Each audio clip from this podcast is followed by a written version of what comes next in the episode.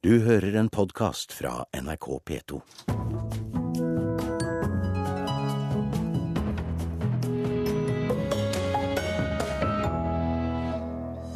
Og samtidig er det stor utenlandsk interesse for verdens største Munch-utstilling, som åpner i Oslo til helgen. Og endelig er det en spenningsfilm. Med spenning, sier vår anmelder om Stalker. Den engelskspråklige debuten fra en av Sør-Koreas kultregissører, med Nicole Kidman i en av hovedrollene. Den anmelder vi her i Kulturnytt i Nyhetsmorgen. Over 80 utenlandske journalister kommer til Oslo for å se verdens største Munch-utstilling, som åpner til helgen. Journalister fra England, USA, Kina og Japan er blant dem som har vist interesse for vår mest internasjonalt kjente maler. Sikkerheten står i høysetet hos Nasjonalgalleriet, kun dager før den største utstillingen av Edvard Munchs kunst noensinne. Kommunikasjonsdirektør Jean-Yves Gallardo vil kun slippe oss inn for å se en modell av den store utstillingen. Vi får altså ikke lov å gå opp eh, i utstillingssalen. Her har vi eh, modellen av utstillingen. Dette er eh, Nasjonalgalleriet, og dette er Munch-museet. Til sammen så er de 270. Det er altså den mest gjennomgripende Munch-utstilling som noen gang er laget. Over 80 utenlandske journalister fra hele verden kommer for å se utstillingen når den åpner i Munch-museet og Nasjonalmuseet på fredag, sier markedssjef for Visit Oslo, Heidi Thon.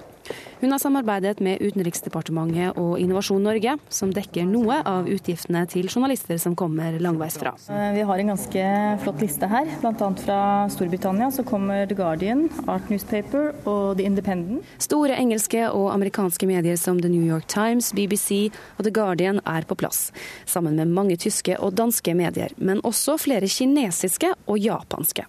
Eh, Japans største avis, som er Yomiuri Shimbun. Så eh, mange spennende og eh, fra et stort antall land. En av dem er kinesiske Liao Wenying, som skal dekke utstillingen for reisemagasinet Travel Plus. Munch and his print The Screaming are very famous in China.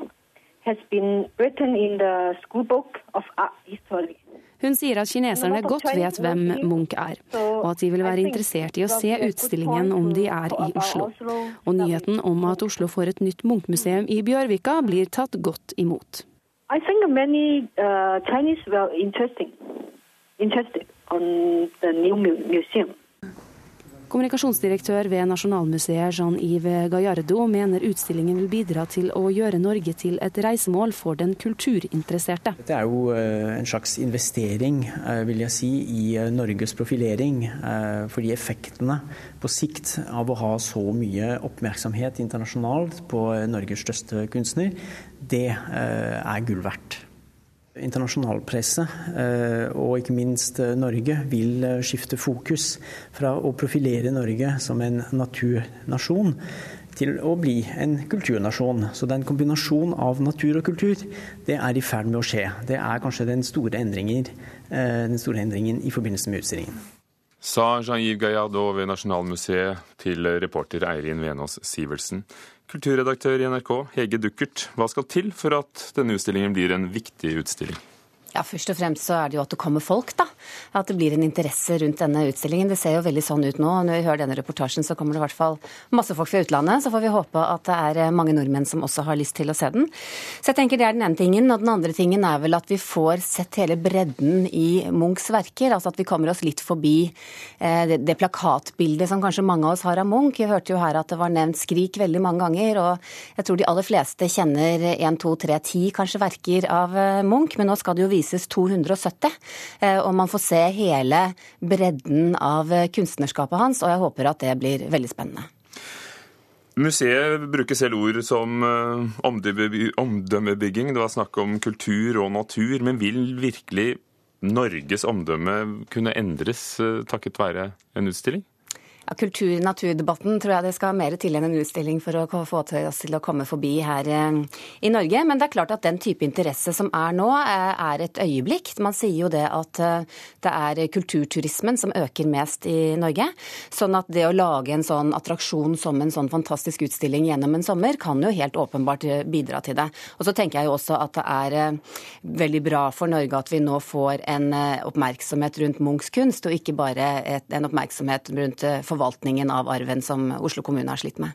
For den har jo Oslo kommune slitt med siden 50-tallet. Men uh, denne uken så kom det altså på plass uh, en politisk allianse i Oslo mellom SV og Høyre som gjør at det blir et nytt Munch-museum i Bjørvika. Og i VG i dag så står det at i Arbeiderpartiet er det nå noen som vil alliere seg med Frp og selge tomten. Uh, andre ville heller vært med på disse forhandlingene. Men er det tilfeldig, eller er det god timing?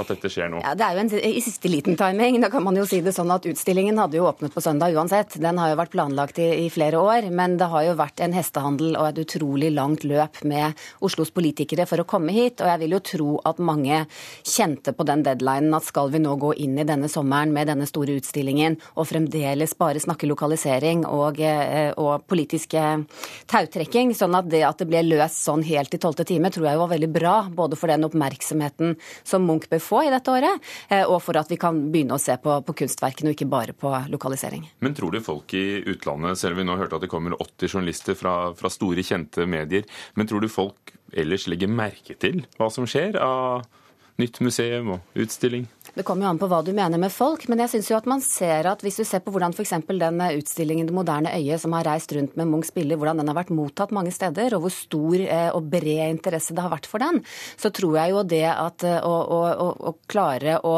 være tydelig i forhold til at vi nå viser frem eh, bredden i Munchs kunst, og at vi ønsker å, å vise ham frem og løfte ham frem, og ikke bare stue ham i kjellere.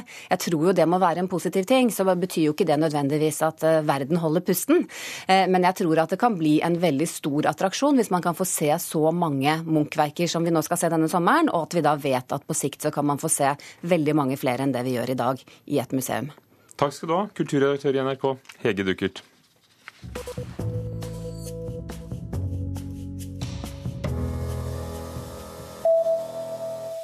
Captain Sparrow.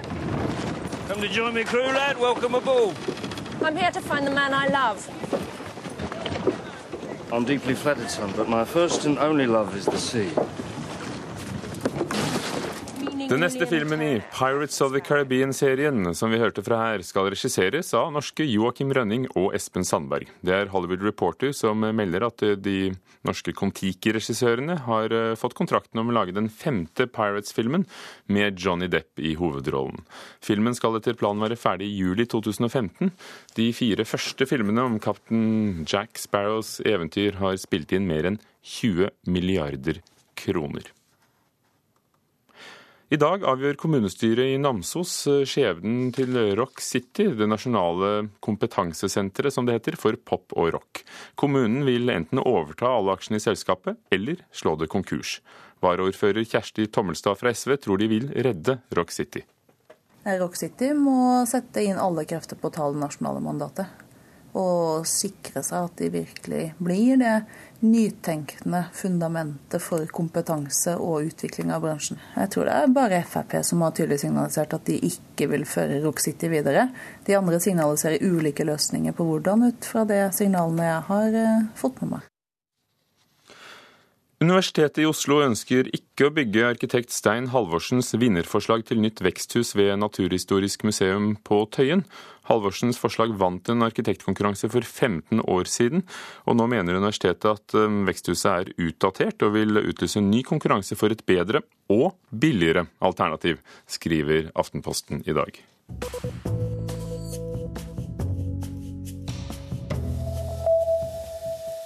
Rogaland Teater satser nesten alle kort på én forestilling til høsten. Teaterkonsert Beethoven legger beslag på hovedscenen helt frem til jul, og dette er en av de største satsingene i teaterets historie. Prøvene til urpremieren i september er allerede i gang. Det der skal skje nå, det er jo at vi for første gang skal spille musikken. Så det er jo på en måte en sing-off Prøvesalen på Rogaland teater oser av nerver før første prøve på høstens storsatsing, teaterkonsert Beethoven. Og i spissen for det hele står regissør Nikolai Sederholm. Beethovens melodier er jo også for en stor dels vedkommende monsterhits. Før Elise og, og, og da, da, da, da. Så fornøyelsen ved å se det handler jo også om at man plutselig oppdager noe som man egentlig trodde man kjente, men som man har glemt å lytte etter. Eeny, mini, mini, jeepers, creepers, teeny, tiny, tippy toe. Øh, Vi kan ikke lide musical. Så det er jo et forsøg på at lave musikdramatik, hedder det. Hvor musikken får lov til at være mer i højsædet enn historien. When twilight comes and you get lost, the strings that strums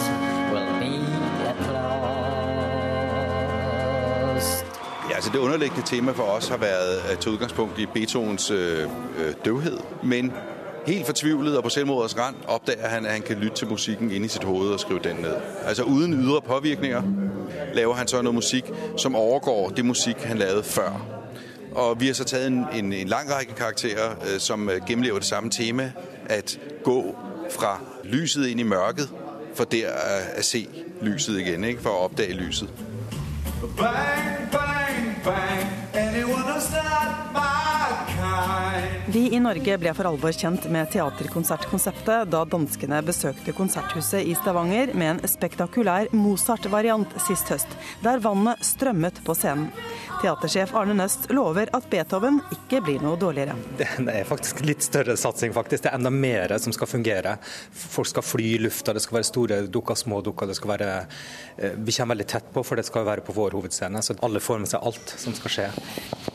Plastikkvegger, rett og slett? Det er det. Den er fullstendig tett. Scenograf Maja Siska viser fram et av sceneelementene, et digert glassbur som skal fylles med røyk. Det som er Den gode ideen her er at du samler røyk inni et, eh, et lukka glassrom. Så kan du ha vifter inni her og lys inni her, sånn at du, får, du kan skape en antagelig veldig dramatisk og vakker himmel. Ekte skyer, på en måte. Eh, og det er jo William Turners skybilder som, som også har vært en del av inspirasjonen, fordi han også gradvis mista synet på samme tid som Beethoven mista hørselen. Malte vakrere og vakrere jo mindre han så. Det er jo interessant. Der er et uh, trommebur installert i. Så der sidder altså også en musiker i uh, akvariet og spiller. Og han som skal sitte inni der, er trommeslager Stene Åsmundsen.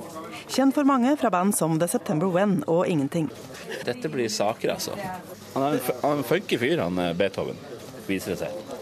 Om det gikk tonnevis med vann i Mozart-konserten, blir forbruket av avispapir tilsvarende høyt i Beethoven-forestillingen, forteller Siska. Altså papiret blir malet på, revet ned, øh, på alle mulige øh, fasonger. Jo mer de liksom spiller seg inn i konserten, jo mer i oppløsning går hele den her verden. Her holder de på med masker. Det er Erik Røe. Oi, der har jeg fått gjennomgå litt. Så bra jeg kan være litt skummel òg, da. Sanger Erik Rød får masken sin. Han ble intervjuet av reporter Anette Johansen Espeland for, ved prøvene for teaterkonsert Beethoven på Rogaland teater. 18 minutter over åtte, Nyhetsmorgen i NRK. Overskriften i dag. Norske kvinner bruker morsrollen som unnskyldning for å, gå, for å slippe å gå på jobb, mener LO-lederen. De eldre blir taperne dersom offentlige brev ikke lenger blir sendt ut på papir, mener Seniorsaken. Og gamle skigarder og tretakrenner er på moten igjen, men veldig få vet hvordan de skal lages. Men eh, hvis dette her blir suksess, så skal vi arrangere så mye kurs vi bare klarer. Og det hører vi om mer senere i Kulturnytt. Først til eh, Tyskland. Der vil eh, folk gjerne se bortenfor klisjeene når det gjelder eh, den nordiske og særlig kunsten og litteraturen. En litteraturfestival har akkurat tatt mål av seg å vise frem andre sider enn den berømte nordiske krimmen, og akkurat i dag åpner en utstilling i München som viser de kjente, men også mindre kjente nordiske kunstnerne.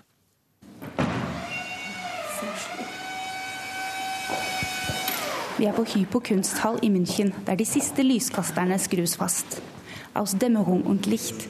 Av skumring og lys heter utstillingen, der 60 kunstnere fra perioden 1860 til 1920, alle fra de nordiske landene, utstilles. Vi har aus dem Nationalmuseum in Oslo dieses kranke Mädchen bekommen. Das ist eins der absoluten Favoriten aus dieses Museum. Leder for kunsthallen Roger Diedren er strålende fornøyd med at Christian Krogs Syk pike skal henge i München fram til 6. oktober. Det skal hun sammen med verker av bl.a. Torarin Torlaksson, Anna Anker, Wilhelm Hammersøy og Anders Zorn. Og selvfølgelig Edvard Munch. Das, ist wirklich, das sind fantastische Entdeckungen, solche, solche Werke, die man hier gar nicht kennt. De er virkelig oppdagelser som man ikke har kjent til før her i Tyskland, sier Diedren. Hypo har ofte hatt utstillinger med nordiske kunstnere, men spesielt denne gangen er det mange som er med som ikke er allment kjent i Tyskland. Med 125 verk er det den største utstillingen med nordiske kunstnere fra denne perioden som har vært vist sammen. Også i litteraturens verden er Norden i fokus. Also ich glaube, Skandinavien steht einfach auch ähm det er noe spesielt med Norden og Skandinavia, sier Anke Butner. Hun har laget programmet til festivalen Nordic Talking for Stadtbibliotek München. Festivalen har i samarbeid med alle de nordiske ambassadene gått for fulle hus fram til 16. mai. Også her dreide det seg om å oppdage noe annet enn de velkjente nordiske klisjeene. Noe annet enn røde stuer, elg og kjølig krim. Vi ville også vekk fra den roten blokkhusene og den elgen, ähm, sondern wir wollten einfach sagen, was vi ville vite hva som rører seg i Norden og Skandinavia, og som har betydning for oss her i Tyskland.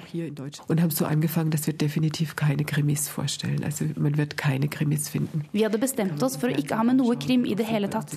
Det finnes det nok av. Noen av høydepunktene på festivalen var lesning av Lars Saabye Christensen og Hallgrimur Helgason.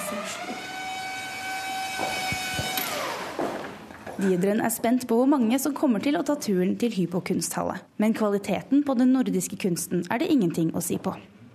Von daher bin ich jetzt natürlich sehr neugierig, wie diese Ausstellung ankommen wird. Aber die Qualität ist da, also die wird hoffentlich überzeugen. Kvaliteten vil eh, tydeligvis overtale folk, tror Roger Didren i Hypo kunsthall i München, som ble intervjuet av Ina Charlotte Fjellhøy, og nordisk kunst kan sees der til 6. oktober.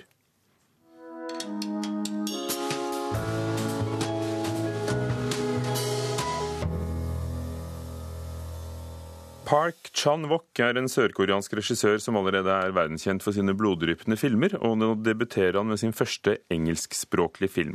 Den er britisk-amerikansk og heter Stoker, og har norgespremiere i morgen. Og dette er en film hvor selve gyset kommer innenfra, sier vår imponerte anmelder Einar Gullvåg Staalesen. Nicole Kidman spiller en av de store rollene. Hun er god. Vi ser de indre spenningene i små rykninger i kinn og leppemusklene. Men Kidman er ikke best. Only once you realize this do you become free. And to become adult is to become free. Mia Wasikowska utstråler mer uten å bevege noe som helst. Hennes spenninger gir seg uttrykk i stemningsskifter i øynene hun og regissøren Park Chang-wook, som ser potensialet i dempet spill, og i det hele tatt dempet filmuttrykk, hører med i det gode selskap som fremdeles kan vise verden at film kan være stor kunst. Det dempede gjør en stoffrik, men hendelsesfattig historie til thriller, eller til gyser. I Stoker kommer det dramatiske innenfra. Det befinner seg bakenfor en historie som vi ikke kjenner innholdet i. Lenge er det ikke engang en historie, men vi føler at det kommer en. Stoker er en av de få spenningsfilmene hvor spenningen har substans. Hovedpersonen i familien og historien treffer vi så vidt, men vi blir kjent med sider av livet hans. Han var en jeger og eventyrer og globetrotter og oppdager, og han stoppet ut sine trofeer. Ellers preget han livet til mange rundt seg. He was a model to our town of what it means to be a man who walks through the world with openness, honesty. Før han ble drept i en bilulykke på Indias 18-årsdag, rakk han å pakke inn de håndsydde blå og hvite lave skoene som hun fikk nytt par av ved hver eneste bursdag. Han gjemte alltid pakken. India skulle finne den. Kvalitetsskoene er en vesentlig bagatell. Det brukes mange uvesentlige fetisjer som samlet gir oss bilder av folk og tilstander. Det er filmatisk lekkert. Det er andre viktige gjenstander som vi ikke ser. De utstoppede dyrene og fuglene, for eksempel. De må være stuet bort et sted. Det er også lekkert, synes jeg. Lekkert fordi de døde dyrene er vesentlige i denne helheten. Mye som vi ikke ser, har tydelig mening.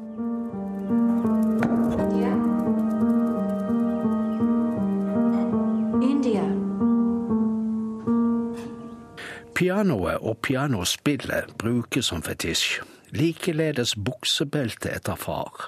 Solbrillene hans. Vi ser om og om igjen bruksting etter mennesker som har vært, og som de gjenlevende knapt kjente mens de levde. Det er onkel som kommer til begravelsen, for eksempel. Har India en onkel? Det visste hun ikke. Filmen fyller de små tingene med mening. Park Chan-wook gir filmen tid til å formidle detaljene, og oss tid til å fordøye dem. Stalker er nærmest en reaksjon på såkalte spenningsfilmer som skriker oss i øret og flimrer foran øynene. Sa Einar Gullvåg Staalesen om Stalker, og han anmelder alle ukens eh, fire premierefilmer på kino i Mørkets opplevelser i P2 klokken 19 i kveld. Tre av dem er severdige for ulike målgrupper, sier han, og den fjerde, eh, som det er minst ved, er eh, derimot best markedsført. Telemark museum truer med å si opp samarbeidsavtalen med Berg Kragerø museum dersom Kragerø kommune ikke bevilger mer penger til driften. Kragerø-politikerne gir 300 000 kroner som tidligere år, men det mener direktøren ved Telemark museum er for lite. Kommer det ikke mer penger, kan Kragerø-museet bli stengt neste år. Museet holder til i den gamle lystgården Berg, som ble gitt i gave til kommunen i et testamente i 1943. Apropos gamle hus, gammeldagse skigarder og takrenner av tre er kommet på moten igjen, men det er få som vet hvordan de skal lages. Nå arrangerer Studieforbundet Kultur og Tradisjon kurs i de gamle håndverkstradisjonene, og det skjer på Maihaugen i Lillehammer. Så her har vi tretakrenner som er kløyvd på midten, og så er de linja opp, og så er de eh, høgd ut med sånn hulejern, og så er de høvla i bånn. Bonde Torstein Hernes på Maihaugen viser oss hvordan en ordentlig tretakrenne skal se ut. Ja, denne her funker jo. Det renner det nedover. Nå er takrenner av tre på moten igjen. Hafjell og på hytter og på alle der man har eh, enten stav eller stokklaft og torvtak. Men få vet hvordan de skal lage en tradisjonell tretakrenne. Sånn, bare verktøyet. Folk har ikke sånt verktøy. Det å velge ut rett emne, et som er holdbart, og så slipper å lage nytt hvert femte år. Her skal en ikke gjøre mye galt før det hele greia gjeter. Du hører liksom i lyden at det, her, er, det- her er det over. Anders Hagen river ned den morkne skigarden. Den er absolutt moden for å gjøre ny. Også den gamle skigarden er kommet på mote igjen, sier bonde Torstein Hernes. Noen gårder har jo kilometervis med skigarder rundt eiendommen sin. Men mange vet heller ikke hvordan de skal sette opp og restaurere en tradisjonell skigard. Jeg begynte uten kurs på egen hånd eh, på Sætra hjemme. Og da kom det en, en hyttenabo som var eh, i en eldre garde. Så sto han og kikka på da. Og da hadde vi brukt feil spett. Og det var mange sånne triks som vi liksom ikke hadde passa på. Så det å ha med seg en som kan, da blir alt så mye lettere.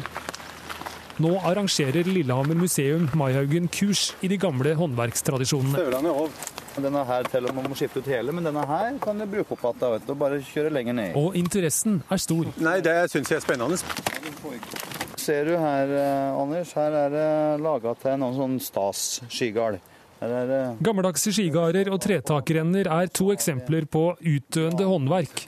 Folk leier heller inn billig eh, arbeidskraft østfra for å gjøre sånne ting som vi gjorde sjøl før. Eh, For at de eh, kvier seg. Det er dørstokkmil, det er sånn terskel eh, for å liksom slenge seg på ting man ikke kan eh, i utgangspunktet. Mens det er egentlig bare en begynne en plass. Begynne i ett hjørne, og så Fortsetter du, så har du vips gjort det sjøl, og da blir sjølfølelsen mye, mye bedre. Så dette er, ønsker vi veldig at skal bevares og spres for ettertida. Jeg tror dette blir veldig gjevt. Reporter Stein Seide på kurs om gamle skigarder og takrenner. Kulturnytt er over. I dag har vi hørt at over 80 utenlandske journalister kommer til Oslo for å se den store Munch-utstillingen som åpner til helgen, og at de norske regissørene bak Max Manus og Kon-Tiki er klare for den neste Pirates of the Caribbean-filmen. Beate Haugtrø, teknisk ansvarlig, Gjermund P. produsent, Ugo Fermarello, programleder for Kulturnytt. Du har hørt en podkast fra NRK P2.